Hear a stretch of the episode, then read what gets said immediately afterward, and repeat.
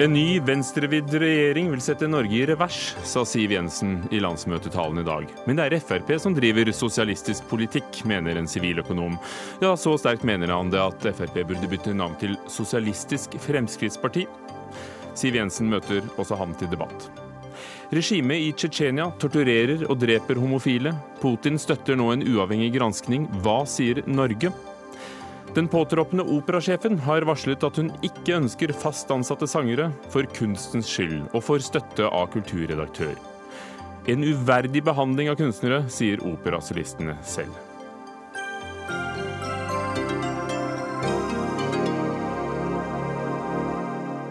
Velkommen, eh, velkommen, til Dagsnytt 18 med Ugo Fermariello, hvor vi også skal diskutere om sykepleiere kan nok anatomi, og om trikk er gammeldags. 225 Fremskrittspartidelegater fra hele landet er nå samlet til landsmøte på Gardermoen. Jubelen sto i taket da partileder Siv Jensen gikk på talerstolen for å holde sin åpningstale. Det er nå det gjelder. Valget vi står foran, er et retningsvalg. Fra denne helgen og frem til valget skal vi kjempe skulder ved skulder med folk flest. For å få bygget mer vei. For å sikre en streng innvandringspolitikk for en bedre eldreomsorg og betydelige kutt i skatter og avgifter for vanlige folk. Siv Jensen, Fremskrittspartileder og finansminister. Vi står foran et retningsvalg. Er dette mer av et retningsvalg enn det var for fire år siden?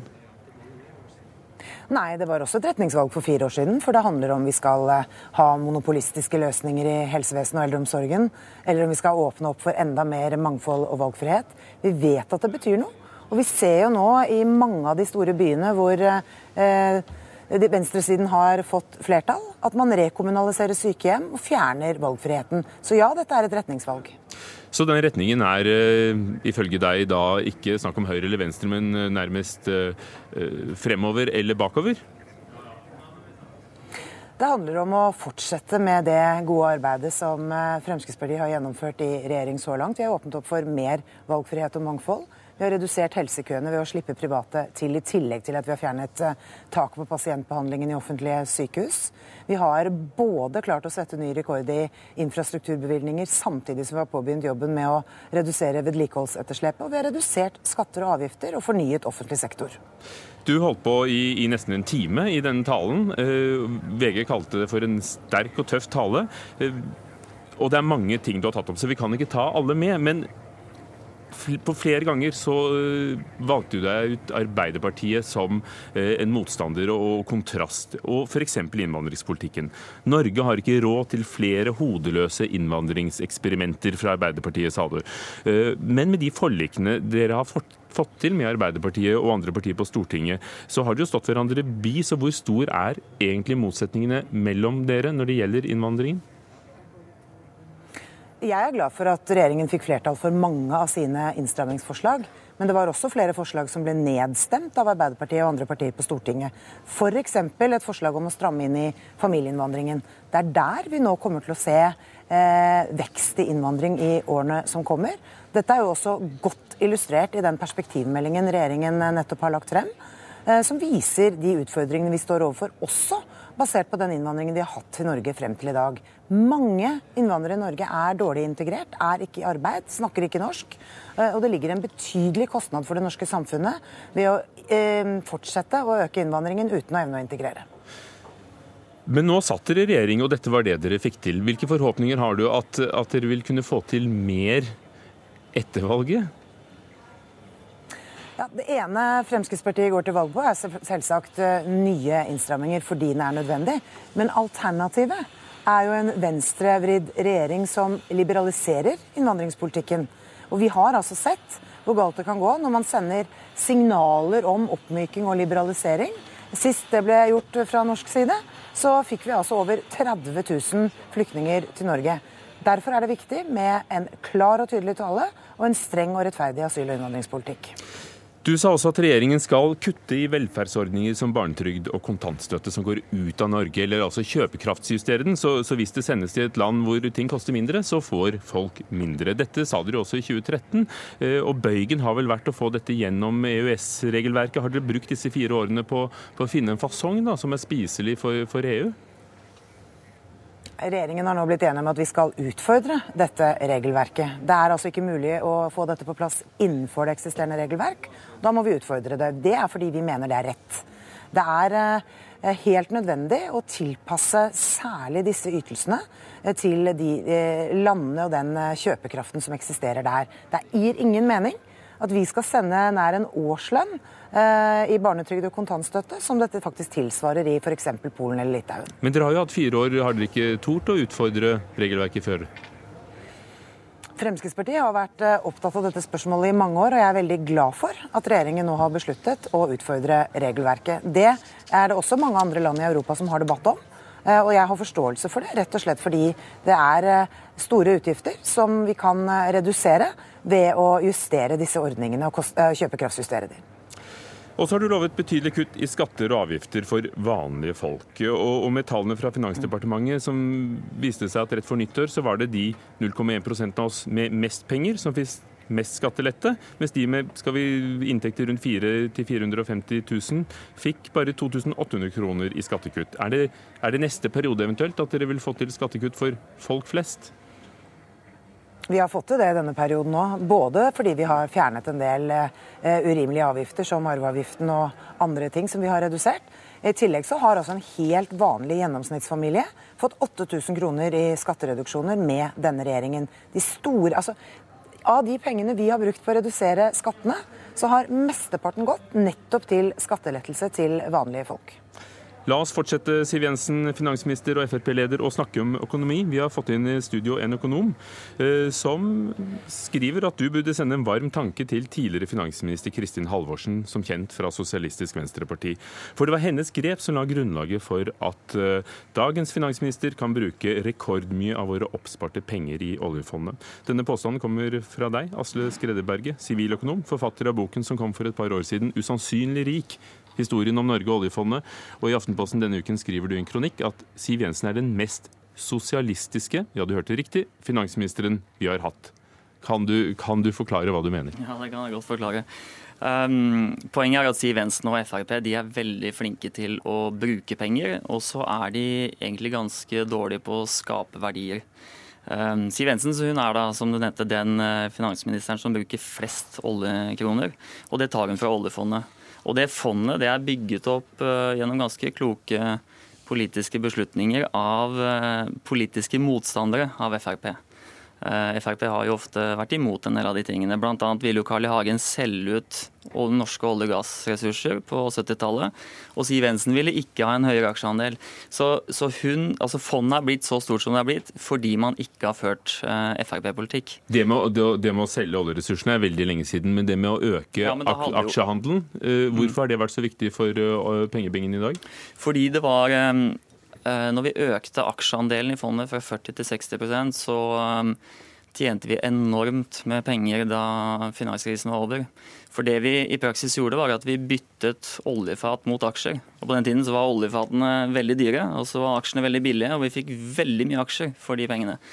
Og Det betyr at vi fikk en superavkastning eh, etterpå. Mens Siv Jensen da ville hatt en lavere aksjeandel, og vi ville da gått glipp av den avkastningen. Men, men, men, kan dagens statsråd klandres eller tas til inntekt for, for hva som har skjedd? før henne? Det, det, det... Ja, Hun satt jo på Stortinget, hun var parlamentarisk leder da, og hun eh, argumenterte mot en økt uh, aksjeandel. Og jeg syns, jeg syns, jo faktisk det er viktig å gå litt tilbake og se ting over tid, og se ting over tiår. Så at vi skal ikke glemme at uh, Carl I. Hagen ville selge ut uh, uh, ressursene våre til spotpris. Altså, da kunne vi jo sett langt etter, etter den velferdsstaten vi har i dag. Siv Jensen, er det, er det sosialistisk politikk som har ført til at du kan drive din politikk? tror jeg skal minne Skretteberget på at jeg gikk til valg i 2013 på å investere mer av oljefondet i norsk næringsliv og verdiskaping. Og så skal jeg også minne ham på at uh, vi uh, for et par år siden ble utsatt for et kraftig oljeprissjokk som har skapt store utfordringer for olje- og gassrelatert næringsliv på Sør- og Vestlandet. Det er jo én av grunnene til at regjeringen har eh, brukt finanspolitikken aktivt for å dempe utviklingen i arbeidsledigheten, både på kortsiktige tiltak, men ikke minst med langsiktige tiltak. Så er det jo et faktum at oljefondet har vokst fra ca. 5000 milliarder til over 8000 milliarder med meg som finansminister. Så jeg har vel antagelig ikke tømt fondet, selv om jeg hørte Skredderberget komme i skade for å si noe sånt. Realiteten er at vi ikke bruker av fondet. Vi bruker av den forventede realavkastningen, som er eh, målene for dette. Og en annen sannhet er at eh, Stortinget gjennom veldig mange år har utviklet rammeverket for Statens petroleumsfond på en klok måte, bygget stein på stein med brede politiske enigheter, som gjør at vi forvalter fondet godt og kan fase oljepengene inn i norsk økonomi. Så, så Skredeberget, Hva slags eh, politikk mener du at Jensen skulle ha ført, da, som skulle vært mer i tråd med Fremskrittspartiet, hvis ikke hun vet hva som er Frp-politikk? ja, nei, altså Hun bekrefter jo egentlig det jeg sier, for det hun snakker om er jo en motkonjunkturpolitikk, som er klassisk arbeiderpartipolitikk. Altså Hun sier jo det grunnen til at hun må bruke mye eh, oljepenger nå, det er fordi eh, markedet klarer ikke å løse dette. Hun må gripe inn, intervenere og investere i eh, å lage motkonjunkturpolitikk. Dette gjorde Kristin Halvorsen under finanskrisen. Dette har Sigbjørn Johnsen gjort eh, på det 90-tallet. Dette er på en måte bunnsolid sosialdemokratisk eh, politikk. En markedsliberalist ville jo kanskje tenkt at dette må markedet ordne selv. Men Siv Jensen stoler da ikke på markedet, så derfor intervenerer hun. Store offentlige utgifter Siv Jensen, for å stimulere markedet. Er det, er det det som er din politikk? Vel, nå er det vel andre ting regjeringen får mest kritikk for da, fra opposisjonen. Det ene er at vi har gitt 21 milliarder i skatte- og avgiftslettelser. Det handler om å legge gode rammebetingelser til grunn for at markedet skal kunne utvikle seg. Det andre vi har gjort, som vi også får mye kritikk for, at vi har iverksatt en lang rekke strukturreformer som var helt blottet for under åtte rød-grønne år. Dette er nødvendig, fordi det handler om og få bruke skattebetalernes penger på en mer fornuftig måte. Få mer igjen for pengene. Se bare på etableringen av Nye Veier AS. Men summa summarum, Siv Jensen billigere, bedre og raskere enn litt, eh, vi ville gjort med de ordinære systemene. For å spørre deg, Er ikke poenget at, at en, i markedsliberalistisk tankegang så så skulle markedet selv ordnet opp, i, i, også i nedgangstider. Kanskje ikke økt antall eh, offentlig ansatte, som man har kritisert. Uh, ja, Den debatten hadde vi i går. så... okay. Det er, vår jobb som, det er vår jobb som politikere å legge forholdene til rette gjennom gode og konkurransedyktige rammebetingelser. Da betyr det noe hva slags skattesystem og skattenivå vi har.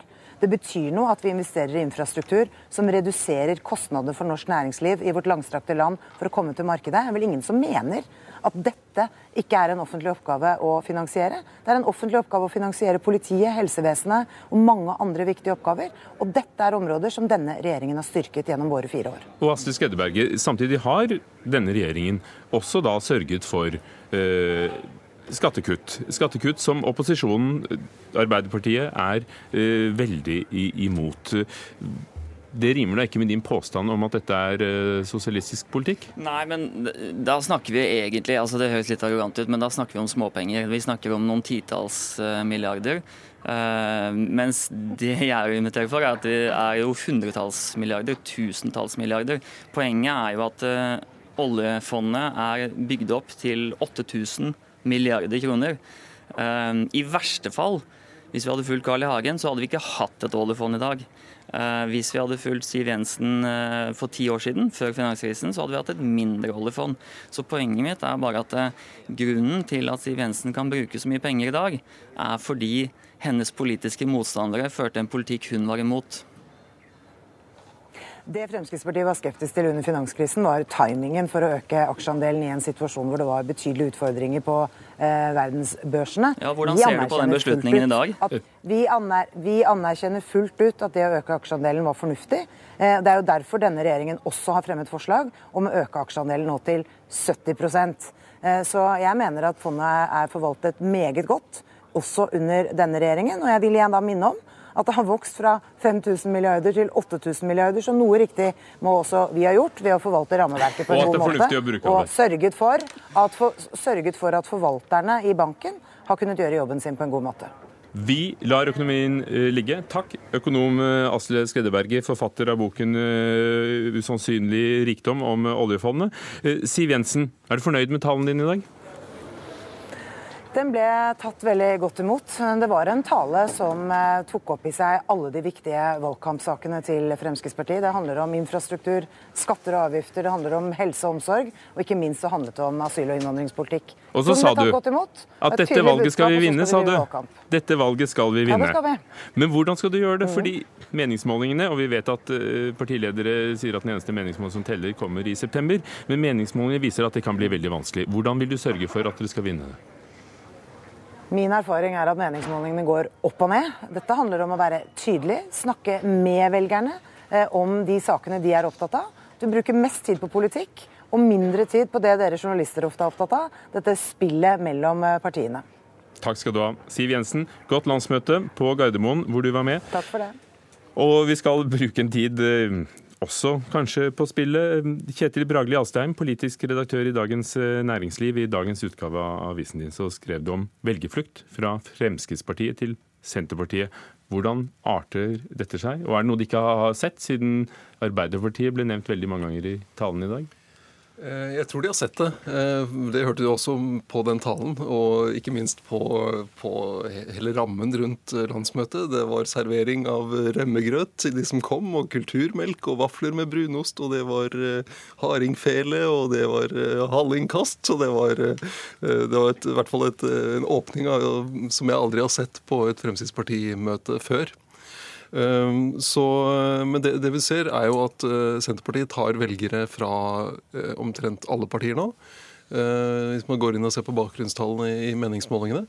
Og det gjelder også Fremskrittspartiet. Hvis vi ser på den målingen som vi har fra Sentio, så er det en av tre av de velgerne som går fra Fremskrittspartiet, som stemte Fremskrittspartiet ved forrige valg, de er gått til Senterpartiet. Så det er en konkurranseplate der for dem.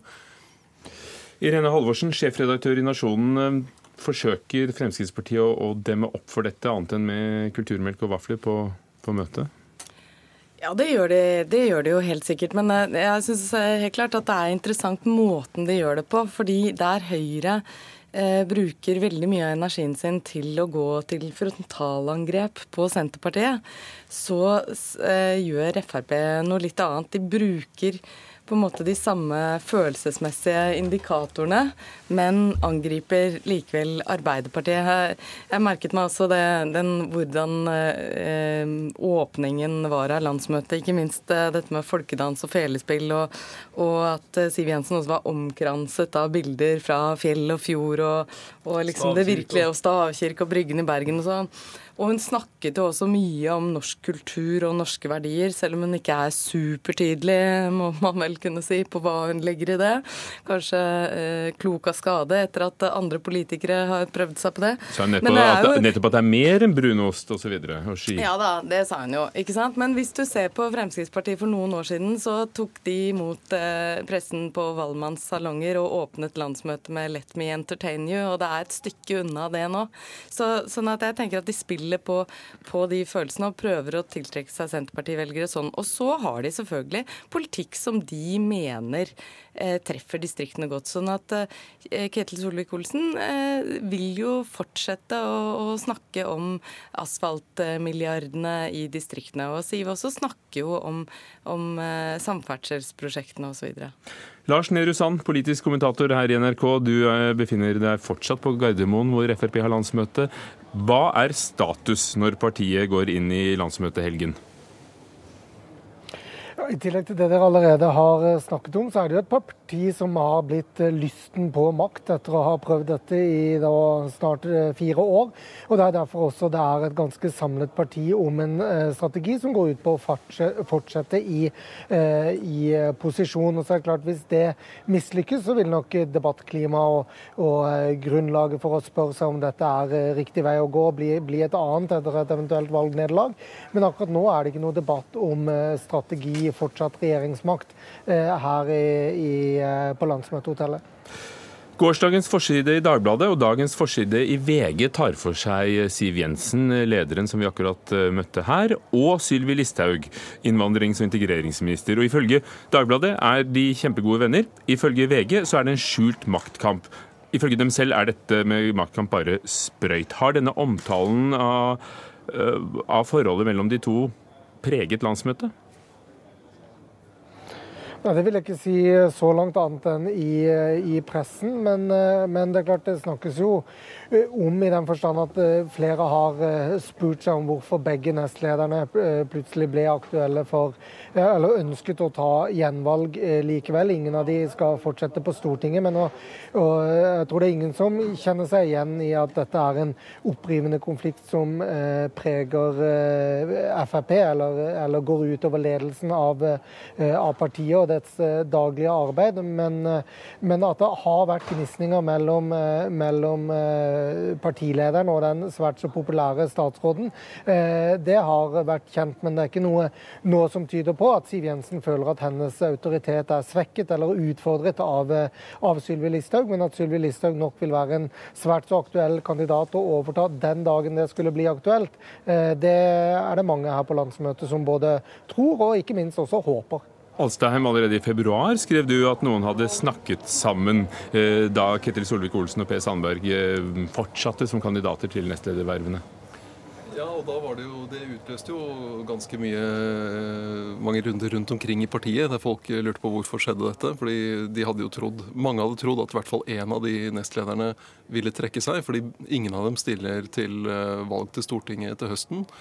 Og du, får litt ulike historier avhengig av hvem man snakker med i det partiet. Men det er helt klart at, eh, at det var flere som oppfattet det som en manøver for å holde Sylvi Listhaug ute av nestlederposisjon eh, på dette øyeblikket, eh, denne, på, dette tidspunktet. Og det, det tror jeg det, det, kan være flere grunner til. En er at Siv Jensen samarbeider godt med Per Sandberg og Ketil Solvik-Olsen. Eh, per Sandberg og Ketil Solvik-Olsen trives veldig godt som statsråder og har veldig lyst til å fortsette som det. Eh, og det, hvis, hvis, det flertallet beholdes eller regjeringen fortsetter, så øker sjansen for at de får lov til det når de har de nestlederposisjonene. Og så tror jeg eh, det kan ha vært, et, vært at Siv Jensen ikke ønsket at dette landsmøtet skulle bli en slags sånn kroning av Listhaug som partiets kronprinsesse, som det lett ville blitt oppfattet som dersom hun var valgt som nestleder nå i denne, denne helgen her. Og Det er jo ikke så vanskelig å forstå, men det er jo et klart problem for partiet hvis de nå ikke klarer å gjenerobre regjeringsmakten. For da har de jo eh, to nestledere som begge er eh, godt plassert på sidelinja. Mm, og ikke sitter på Stortinget. Ja. Eh, Lars Nehru Sand, Arbeiderpartiet er av Siv Jensen kåret til hovedmotstander i valgkampen. Burde Senterpartiet vært like uttalt motstander? Akkurat i, i velgerovergang så, så, er det argumenter for at, eh, at, eh, Fremskrittspartiet kanskje burde angrepet Senterpartiet mer enn en de eh, Eller i hvert fall enn Siv Jensen gjorde i den landsmøtetalen. Men vi skal huske på at Frp også eh, kanskje er litt engstelig for å smake sin egen medisin. For det er ett parti som vet hva det vil si av rampelys og taletid og være den som alltid blir angrepet. Ja, så er det jo nettopp Frp som, som har vokst på gallupene eh, nettopp når de har vært under angrep og blitt angrepet av alle. og det er klart Senterpartiet har hatt en helt vanvittig landsmøte vår, i den forstand at de nesten har vært eh, aktuelle til, til en slags debatt eh, i oppfølgingen av, av, nesten alle landsmøtene. og det eh, Å ikke gi Senterpartiet den taletiden, det er jo i hvert fall en forklaring på at Siv Jensen ikke snakker så mye om Vedum i sin tale, og ikke nevner ham med navn, f.eks.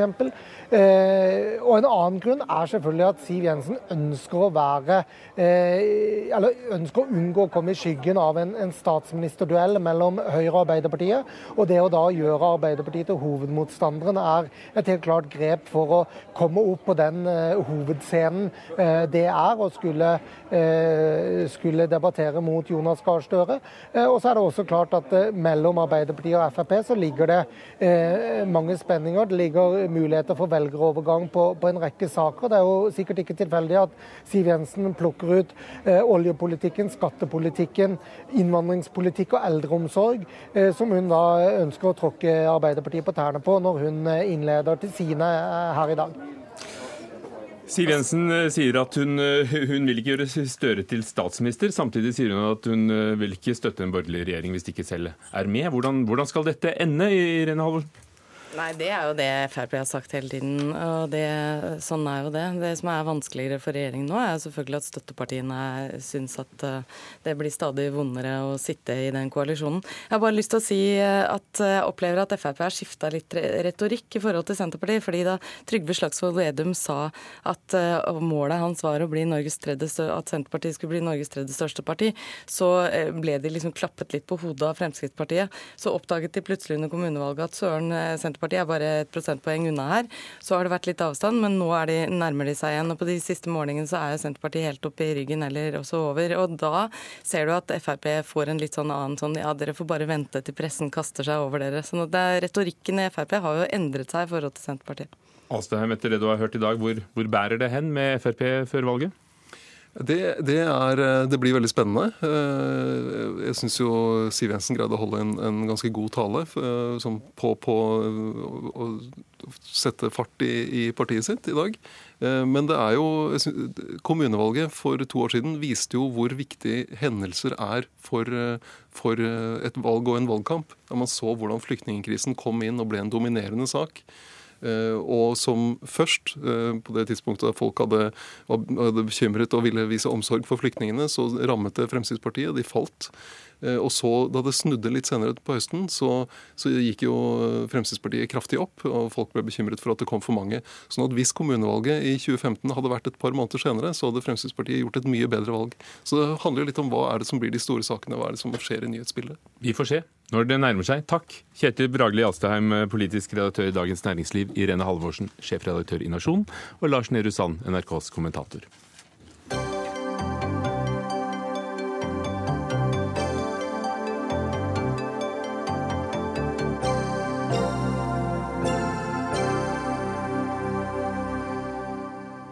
Situasjonen for homofile menn i Tsjetsjenia blir stadig verre.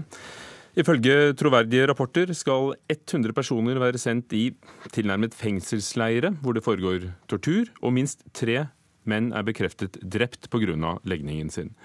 Nå, nå krever menneskerettighetsorganisasjoner at uh, også den norske regjeringen ber Russland ta affære og stanse forfølgelsene i Tsjetsjenia, som altså er en republikk i den russiske føderasjonen. Ingvild Endestad, leder av foreningen FRI, Foreningen for kjønns- og seksualitetsmangfold. Hva er det som skjer med homofile i Tsjetsjenia nå? Det som har skjedd, er at uh, over 100 homofile og antalt uh, homofile har blitt arrestert. De tortureres, utsettes for grov tortur og elektrosjokk, og presses også på å oppgi navnet på andre homofile med tanke på at de skal arresteres. Og så vet vi også at at noen av de slippes fri, og slippes tilbake til familier som eh, ikke syns godt om dem, og hvor hvor vi også frykter æresdrap. Noen har de, av de har vi også fått ut nå, eh, av Tsjetsjenia og inn til eh, Moskva, der de ikke lever trygge liv, og der de er nødt til å komme seg ut av Russland for å komme i sikkerhet. Og disse rapportene og historiene har jo stått i store medier, fra Associated Press til New York Times, og også her i Norge har det vært omtalt. Eh, din organisasjon, FRI, Amnesty Norge, Den norske Helsingforskomiteen har alle skrevet brev til utenriksminister Børge Brende. Eh, hva er det dere ber om? Vi ber om at eh, Norge legger press på Russland, bruker de midlene man har tilgjengelig, og sørger for at eh, dette nå blir etterforska, og at de ansvarlige blir stilt for retten. Og så ber vi også om at dersom ikke Russland kan garantere for de menneskene som nå fengsles og tortureres, sin sikkerhet også i framtida, så er Norge nødt til å åpne opp for beskyttelse her i Norge. Og hva fikk du til svar? Du, eh, vi fikk et svar nå eh, for ca. tre kvarter siden. Um, som vi akkurat har fått sett på. Uh, Norge har gjort noe. Ehm, vi har ikke fått noe svar på hvorvidt man åpner opp for asyl, som jo er en prekær situasjon. Ehm, I tillegg så er det jo sånn at situasjonen har jo ikke forandra seg for de som nå eh, fengsles, som gjemmer seg fra fengsling, og som tortureres. Så situasjonen er jo den samme, og det forteller oss jo at vi ikke har gjort nok. Vi spurte selvfølgelig Børge Brende og Utenriksdepartementet om å være med. De kunne ikke i dag. Kristian Tybring-Gjedde, utenrikspolitisk eh, talsmann i Frp. Du er med oss eh, fra landsmøtet, og du sitter jo også i utenrikskomiteen på Stortinget. Hva er din reaksjon på det vi hører fra Tsjetsjenia? Jeg syns det er helt eh, forferdelige rapporter som kommer derfra. Jeg er jo helt enig i at Norge burde ta dette på alvor og gjøre det vi kan for å ta opp med Russland. Det som er eh, synd i denne sammenhengen, er at vi jo, er ikke veldig gode venner med, med, Russland for tiden. Og det er en situasjon vi har satt oss selv i. Men så har vi vet også at Angela Merkel tok jo opp dette med Putin når hun besøkte Putin her for en tid tilbake, og at Putins reaksjon var taushet. Eh, jeg mener også, sånn som min eh, motdebattant, eh, om at Norge, hvis det blir nødvendig, må kunne ta imot flyktninger fra Tsjetsjenia dersom det er slik at de settes i konsentrasjonsleir og eventuelt blir drept. Sånn kan vi ikke ha det. Men jeg har lyst til å minne om at vi hadde denne debatten i Norge i 2015. Det var en debatt i regnbuedagene i Bergen hvor lederen av Islamsk råd, Afsar, hevdet at han ikke kunne ta stilling til drap på homofile fordi at han ikke var lærd og hadde ikke kunnskap om det eh, islam sier. Og det er holdninger jeg tar avstand fra. Så når det gjelder det som skjer, hvis vi lar det ligge, det som skjedde i Bergen i 2015 og den debatten, ja. altså når det gjelder det vi hører fra Tsjetsjenia, så mener du at Ja, jeg mener at Norge i, i, beste fall eller i verste fall burde kunne ta imot disse hvis det er slik at man ikke klarer å endre praksis, og at uh, Kadyrov i Tsjetsjenia fortsetter denne forfølgelsen av homofile, så må selv Norge vurdere hvorvidt det er mulighet til å ta dem imot i Norge. Dette er reelle flyktninger, det er ikke fiktive flyktninger. Dette er hvem som frykter for sitt liv. Uh, og ikke minst er det våre europeiske naboer. Det er jo en stor forpliktelse der. og Jeg syns faktisk dette er et fåtall mennesker tross alt, og jeg syns Norge bør åpne dørene dersom det er behov for det. Og det syns jeg egentlig hele Europa burde gjøre. Lene Wetteland, leder Russlandsavdelingen til Det norske Helsingforskomité, som, som, var med på, på, på, dette brevet. Men du kjenner jo disse tidligere sovjetiske republikkene og nå selvstendige statene godt. Tsjetsjenia, hvordan har det vært for uh, LGBT-personer der gjennom tidene? Uh, Tsjetsjenia er jo et land, en delrepublikk i Russland, som du sier, som har gått gjennom veldig mange eh, konflikter i veldig mange, ikke bare tiår, men, men 100 år. Eh, det er en, en delrepublikk som eh, preges både av at det er en del av Russland, så de følger russisk lovgivning. Eh, det er også en egen tsjetsjensk skikk som heter adat. Og så er det også islamsk, så man følger sharia til en viss grad. I tillegg så er det nå Kadyrov som styrer republikken, og han blander alle disse til en blanding som passer han best. Og siden det i utgangspunktet ikke er så positivt for homofile i noen av disse eh, verken russisk lovgivning, Adat eller eh, sharia. Så er hans eh, blanding enda, enda verre. Og Ramzan Kadyrov er jo en diktator. Han han sitter der, ikke valgt av folket, men støttet av Putin. Hvorfor har ikke Putin grepet inn? Nå sa han i ettermiddag at han vil støtte en uavhengig gransking og ha et møte med ombudskvinnen i Russland for menneskerettigheter etter møtet med Angela Merkel tidligere i uken. Men, men hvorfor lar Putin dette skje? Vi kan jo regne med at han har eh, egen etterretning som gjør at han, han vet om det. Uh, ja, det er en ganske mm, vanskelig balanse dette mellom eh, Putin og, og Kadyrov. Men som nevnt så har det vært disse konfliktene i, i Tsjetsjenia, også nylig på 90-tallet og 2000-tallet. Veldig blodige konflikter med, med terror, antiterroroperasjoner osv. Uh, og det som nå ser ut til å være tilfellet, er at Putin ved å innsette Kadyrov, altså Kadyrov senior og nå Kadyrov junior som presidenter i delrepublikken, så er det blitt fred og, og ro på overflaten. Eh, og mot at denne fasaden vedlikeholdes, så får Kadyrov omtrent carte blanche til å bedrive de menneskerettighetsbruddene som han har bedrevet i, i flere tiår. Eh, det er jo ikke disse fengslene og denne torturen og behandlingen av de homofile er jo ikke noe som har kommet ut av eh, ingenting. Det er flere grupper som har blitt utsatt for samme behandling i de samme fengslene i flere år. Og dette har jo da, ifølge visse rapporter, noen av de som står for torturen, sagt at det er preventiv, det er forebyggende uh, vold. Og de har benektet at det skjer, for de sier at vi har ikke homofile, så det er ikke noe problem vi har noe politikk for. Kristian uh, Tybring-Gjedde, hvilke muligheter har Norge til å påvirke? USA har tatt det opp i FN, Angela Merkel med Putin. Hva har det å si hva Norge sier? Ja, altså Det er også tatt opp med Europarådet i Jagland er blitt kontaktet. Men det er klart at eh, internasjonale organisasjoner har liten innflytelse. og Her står jo eh, prinsipper mot eh, andre interesser, altså politiske interesser. og det er klart at Politiske interesser veier sannsynligvis tyngre for Putin. Tsjetsjenia er en viktig alliert for Putin. og Hvis han går inn for kraftig mot, mot presidenten i Tsjetsjenia, så står han mye svakere der. Så det er vel slik at Putin føler at han ikke har veldig mye å vinne på å være prinsipiell og stå for menneskerettigheter i den saken, og det er synd i den saken. Jeg mener at, at da man ofrer prinsipper i denne sammenheng, slik at man kan hjelpe de som blir forfulgt og de som settes i konsentrasjonsleir. Det er helt, i, i, I 2017 er det helt uakseptabelt. Lene Wetland, hvor godt dokumentert er overgrepene vi hører om? De er, de er, godt dokumenterte. Dette kan òg Yngvild Ingvild si noe Men eh, vi samarbeider tett med forskjellige organisasjoner i, i Tsjetsjenia og i Russland som sådan, og med flere journalister. og Blant de vi stoler aller mest på, er disse i Novaja Gazeta, som reiser inn med stor risiko for, for, egen, for, egen, sikkerhet og dokumenterer det som skjer. Og De skriver ikke noe før de har eh, virkelig god dokumentasjon eh, på det. Den uavhengige avisen Novaja Gazeta. Takk skal ja. dere ha, alle sammen. Lene Wetteland fra den norske Helsingforskomiteen, Ingvild Ennestad, leder av FRI og Christian Tybring-Gjedde fra Frp.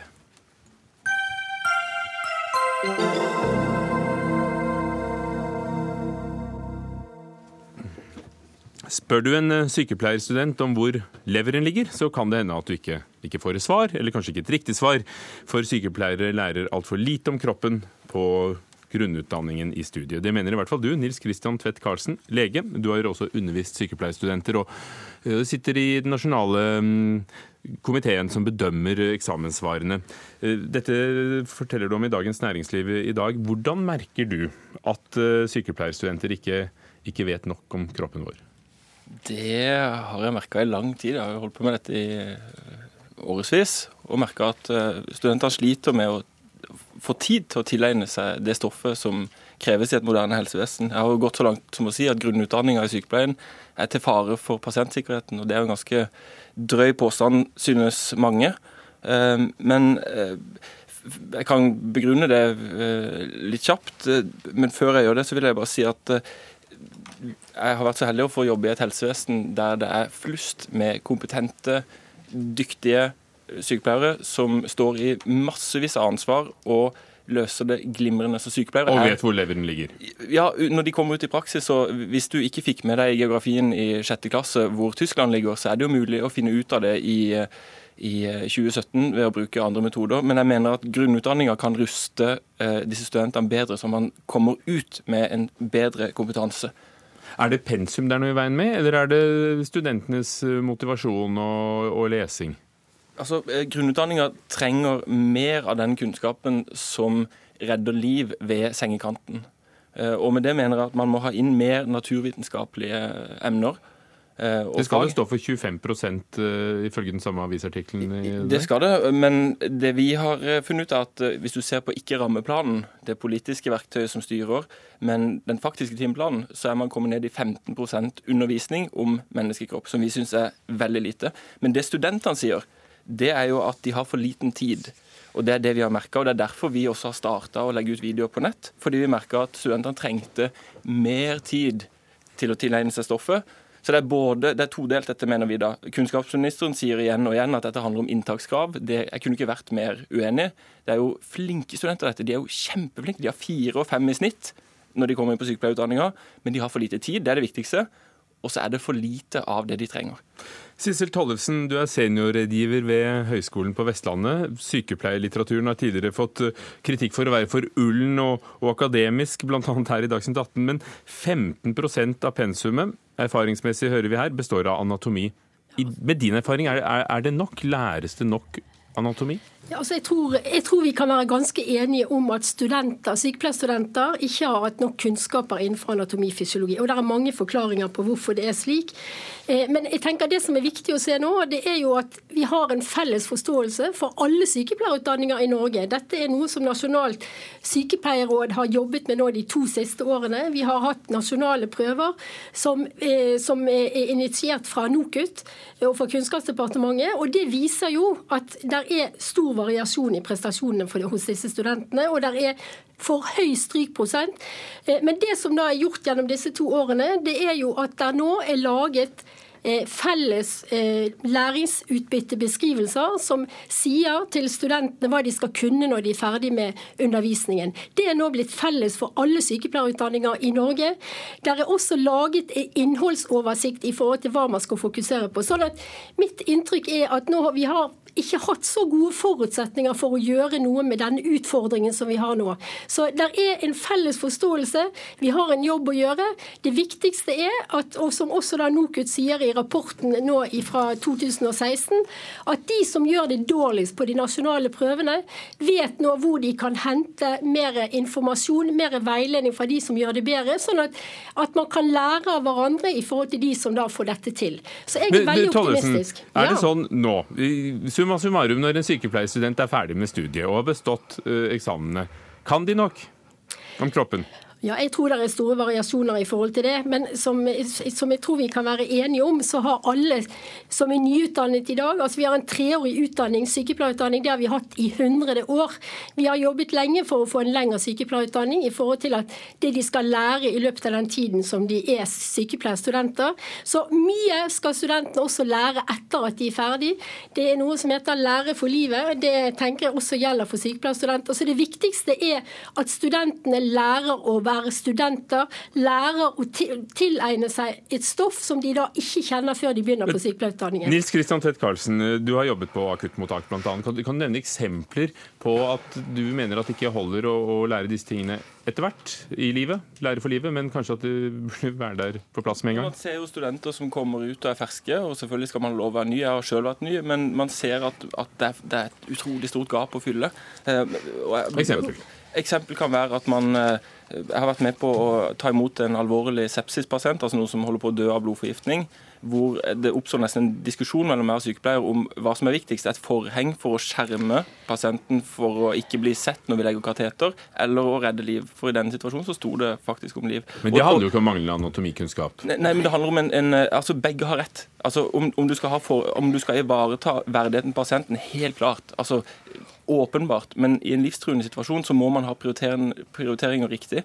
Og jeg tror hvis man hadde hatt mer naturvitenskapelig kunnskap, så uh, hadde man vært bedre rusta. Men jeg vil si jeg er veldig enig i det som sies. Du skal komme til ordet. Ja. Det som sies fra Bergen, er jeg enig i så å si alt som sies. Og Fred Ivan Kvam og de som har oppretta denne arbeidsgruppa, det er fantastisk arbeid og de gir håp for fremtida. Men jeg vil ikke oppfattes som en arrogant jeg, For så er jeg kalt inn her som en arrogant lege som skal uttale meg arrogant. Men, ja, men jeg er talere for studentene, og de sier de har for dårlig tid. Og det Fred Ivan og gjengen gjør med, med, med læringsutbyttebeskrivelse, er bra. Men, men nå er ikke vi på fornavn verken med Fred Ivan eller, eller det arbeidet. Uh, Tollefsen, trenger sykepleiere å kunne like, like mye som legen? Altså, nei, er det ikke to forskjellige nei, roller? Altså, Legen har seksårig utdanning. Det er klart at leger skal kunne mer enn sykepleiere. men jeg er helt enig med Nils Kristian Tvedt Karlsen i at studenter skal ha et grunnlag i anatomi, fysiologi og sykdomslære. De har totalt 45 studiepoeng i dette.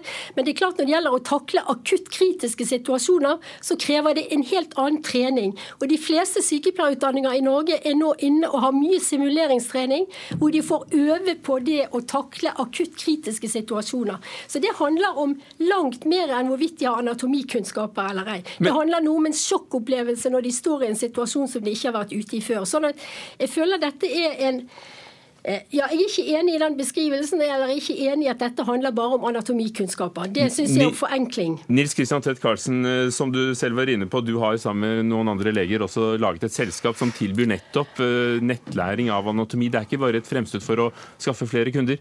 Nei, det er det absolutt ikke. Grunnen til vi lagde disse videoene, var fordi vi ønska å spre kunnskap. Eh, vi er veldig utypiske. altså Forlagene eh, holder jo kunnskapen tett til brystet. Vi deler det ut gratis. Vi har en Facebook-side hvor vi bøtter ut med kunnskap, gratis ting. Vi har en podkast ukentlig som til og med har slått, okay. slått Radioresepsjonen. Hvor, hvor ligger leveren, da?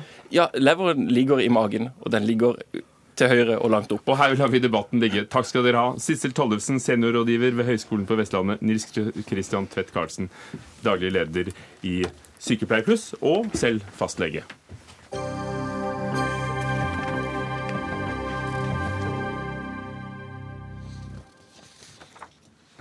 Hva er kunst, og hva skal til for å lage god kunst? Solistene i Den norske opera og ballett skal ikke lenger være fast ansatt, men skal over på åremål. Det er i hvert fall ønsket ønske og uttalelsen til den påtroppende operasjefen, som begrunner det hele kunstnerisk. Slik har det blitt bråk av. Det har vært høylytte diskusjoner i aviser og på radio de siste ukene. I dag er det ni fast ansatte solister på Den Norske Opera. Eh, de har reagert kraftig. Det har vært eh, Facebook-aksjon, og mener operaen legger opp til en kast-og-bruk-mentalitet. Ingebjørg Sofie Larsen, kulturredaktør i Minerva. Du mener at den nye operasjefen er inne på noe riktig? Hvorfor hadde det vært fornuftig med åremålsstillinger?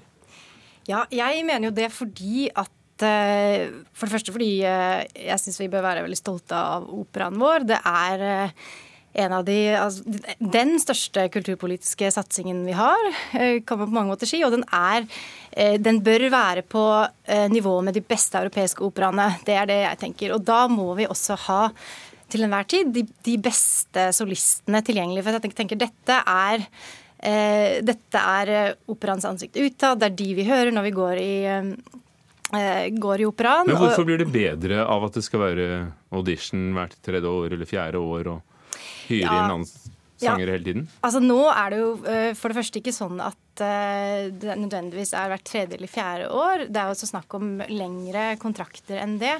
Eh, men jeg tror at man har en, altså man har en, hva skal jeg si, en glansperiode i sin karriere som, som operasanger. Og da er det viktig å få solister til rett rolle til rett tid. Og jeg tenker også at det her er et kunstnerisk hensyn som operasjefen eh, må ha mulighet til å, til å påvirke og ta. For hvis, hvis, ikke vi skal ha en kunstnerisk ledelse, så er det kanskje ikke noe vits i å ha en operasjef. Jeg vet ikke.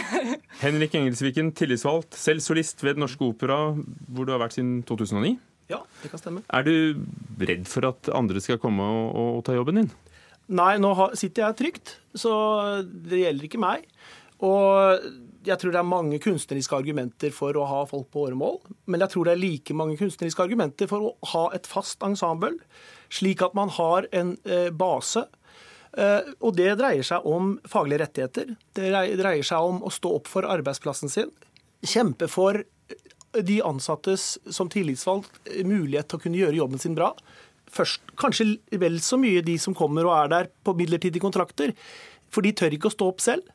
Eh, det er en veldig viktig grunn. Hvis man helt skal ha jevnbyrdighet mellom arbeidsgiver og arbeidstaker, så må man ha en base med faste ansettelser. Og nå snakker, og vi snakker du om, mange, arbeidet, men hvordan blir det bedre opera? Det blir bedre opera for at dette gir incitamenter til ledelsen. Slik at man ved å ansette noen fast, må ta et ansvar for den man ansetter over en lengre periode, ikke bare en kort periode.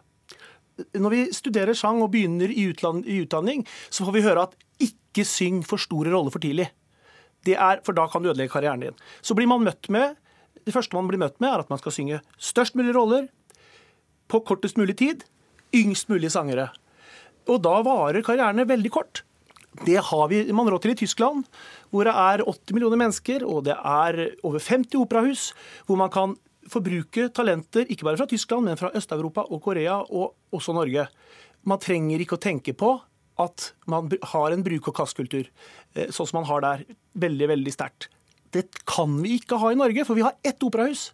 Og det operahuset må ta et nasjonalt ansvar og utvikle de få talentene vi har i dette landet. Det spilles jo Ingeborg Ingebjørg Sofie Larsen, opera både i Bodø, Bergen og Haugesund, som baserer seg på innleie. Eh, hvorfor ikke ha ett hus hvor det er en kjerne av et ensemble også blant solistene? For, det er jo ikke det at det ikke leies inn, det leies jo inn til hver forestilling.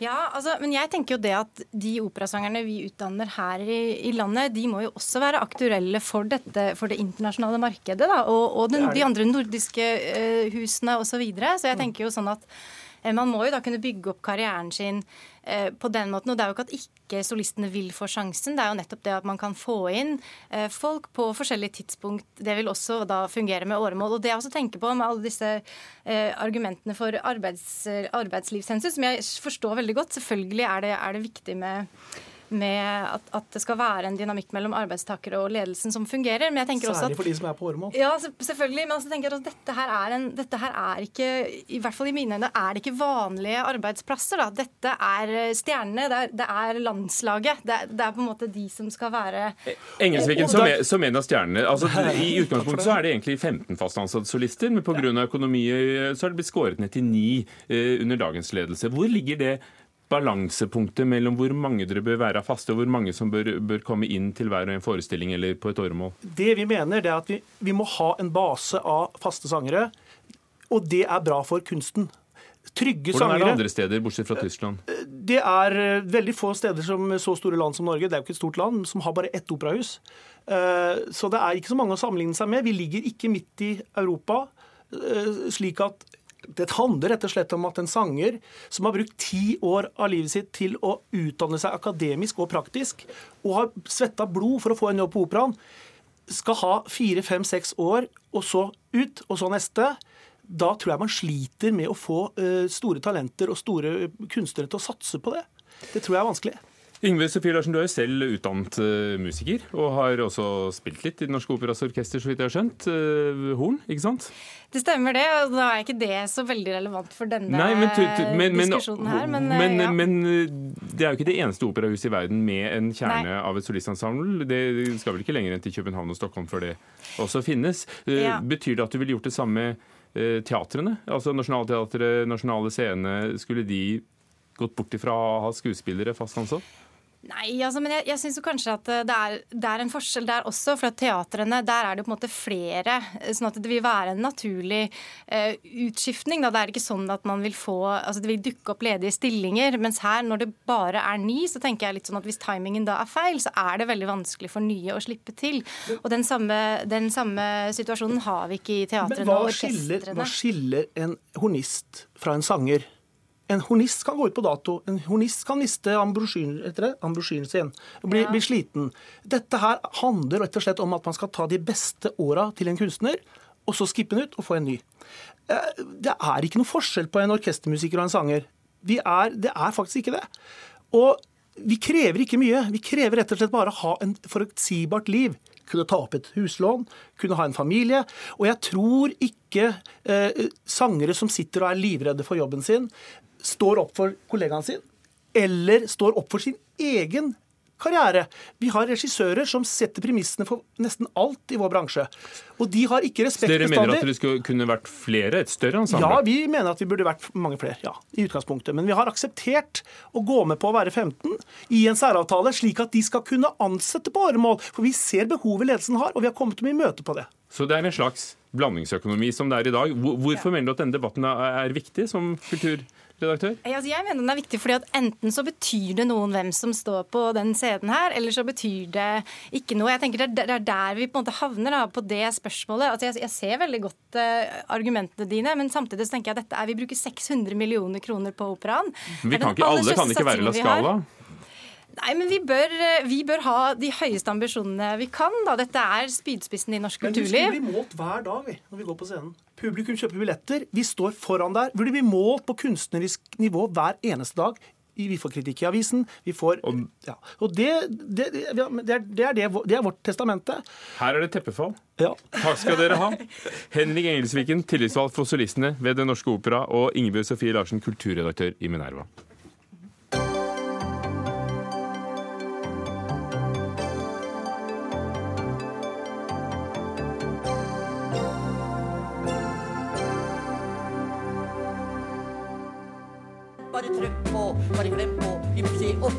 Tempo.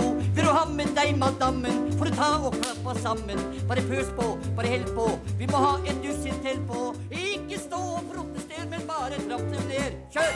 Arvid Nilsen, trikkevisa fra 1942.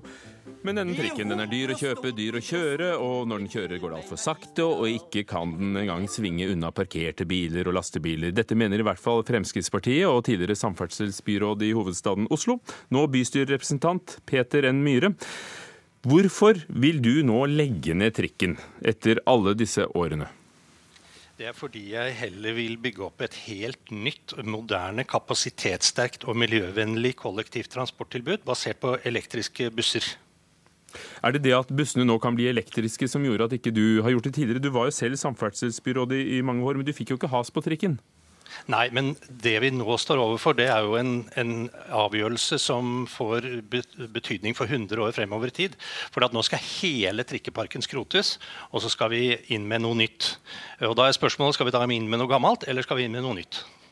Fordi det er jo så godt som vedtatt en investering på milliarder av kroner for å, å bytte disse opptil 40 år gamle trikkene, og noen som vel ikke kanskje var et heldig innkjøp. Vil det ikke koste mer å legge om hele systemet? For nå går det jo spor ut i, skogen hvor det ikke engang er veier i, denne byen. Ja, men uh, det har vært historisk to sterke argumenter for trikk. Og Det ene det er at trikkene er lange og store. Eh, og kan ta mange passasjerer. Men det kan moderne busser også. Eh, man kan få dem så lange man bare vil, og i Bergen kjøper de nå inn to, altså busser med to ledd, eh, som har enorm kapasitet. Og det andre argumentet det har vært miljø. Fordi trikken slipper ikke ut noe dritt i Oslo-lufta. Men det hjelper jo heller ikke nå, fordi eh, buss, elektriske busser de slipper heller ikke ut noe. Og da står, eh, da står eh, egentlig bussene i en bedre stilling miljømessig sett. For de skaper ikke støy. Det blir litt fredeligere og stillere for alle de menneskene som bor i Oslo langs trikketraseene. For da får de stillegående busser isteden. Uh, og luften vil da være akkurat like ren som før.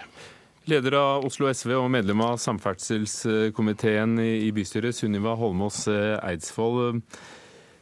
Er det på tide å bytte trikken? Du har vært med å stemme på denne store investeringen for nye trikker som er på hvor mange milliarder kroner? Oh, det husker jeg ikke, men det er over fire? Ja, det er over fire. 4,1 kanskje. Ja. Nei, jeg mener at Peter N. Myhre her bommer, fordi at eh, vi skal ha både buss og trikk i Oslo. Eh, og der hvor vi skal ha buss, så deler jeg hans entusiasme for elbuss. Og der eh, håper jeg at han og jeg kan samarbeide i bystyret. Men jeg mener at han bommer, fordi trikken her, det er i Oslo. Det, når vi kjøper nye trikker nå, det er moderne, det er effektivt og det er veldig populært. Trikken i Oslo den frakter eh, rundt 55 millioner passasjerer hvert år. Og for SV sin del da, så er det tre hovedgrunner til at trikken er bra. For Spørsmålet er om de 55 millionene kunne tatt buss, og at det ville vært billigere for alle? Ja, nei, men Da er det tre hovedgrunner til at, trikken, at vi trenger trikken. Det første er kapasiteten. Når vi får nye trikker, så vil én trikk kunne frakte mer enn det to busser kan gjøre. Og det andre er plassen i sentrum og bylivet. Fordi trikken den eh, bidrar til byliv i sentrum, som er mye triveligere enn bussene. Og når vi i tillegg skal ha bilfritt byliv, så vil vil få løst et akutt kapasitetsproblem i sentrum, hvor bussene i dag står i kø. Eh, mens de nye trikkene, som vil ta mye flere passasjerer, vil kunne komme seg frem raskere og mer effektivt. Og det siste hovedgrunnen til at vi vil ha trikk, eh, det er at den er veldig effektiv utafor sentrum. På de strekningene hvor den kan kjøre i et eget spor. Eh, og hvor den kan kjøre raskt. Da raser den av gårde. Ja, ikke sant? Sånn som til til um, Lilleaker og på Ekeberg. Ja, ja. Dette, det, det, ble veldig lokalt. Men Myhre, eh, for å vide ut fra Oslo, altså fra, fra, Bergen til Bremen, Berlin til Bordeaux. Eh, byer i hele Europa satser på trikker, også byer som hadde nedlagt trikken, bygger nye trikkelinjer. Hva har de misforstått? Ja, De gjorde i hvert fall det på 90-tallet og 2000-tallet. Bergen holder på nå. De åpner en strekning til Flesland i disse uker. Ja, det er riktig, og det kan vel sammenlignes mer med Flytoget i Oslo.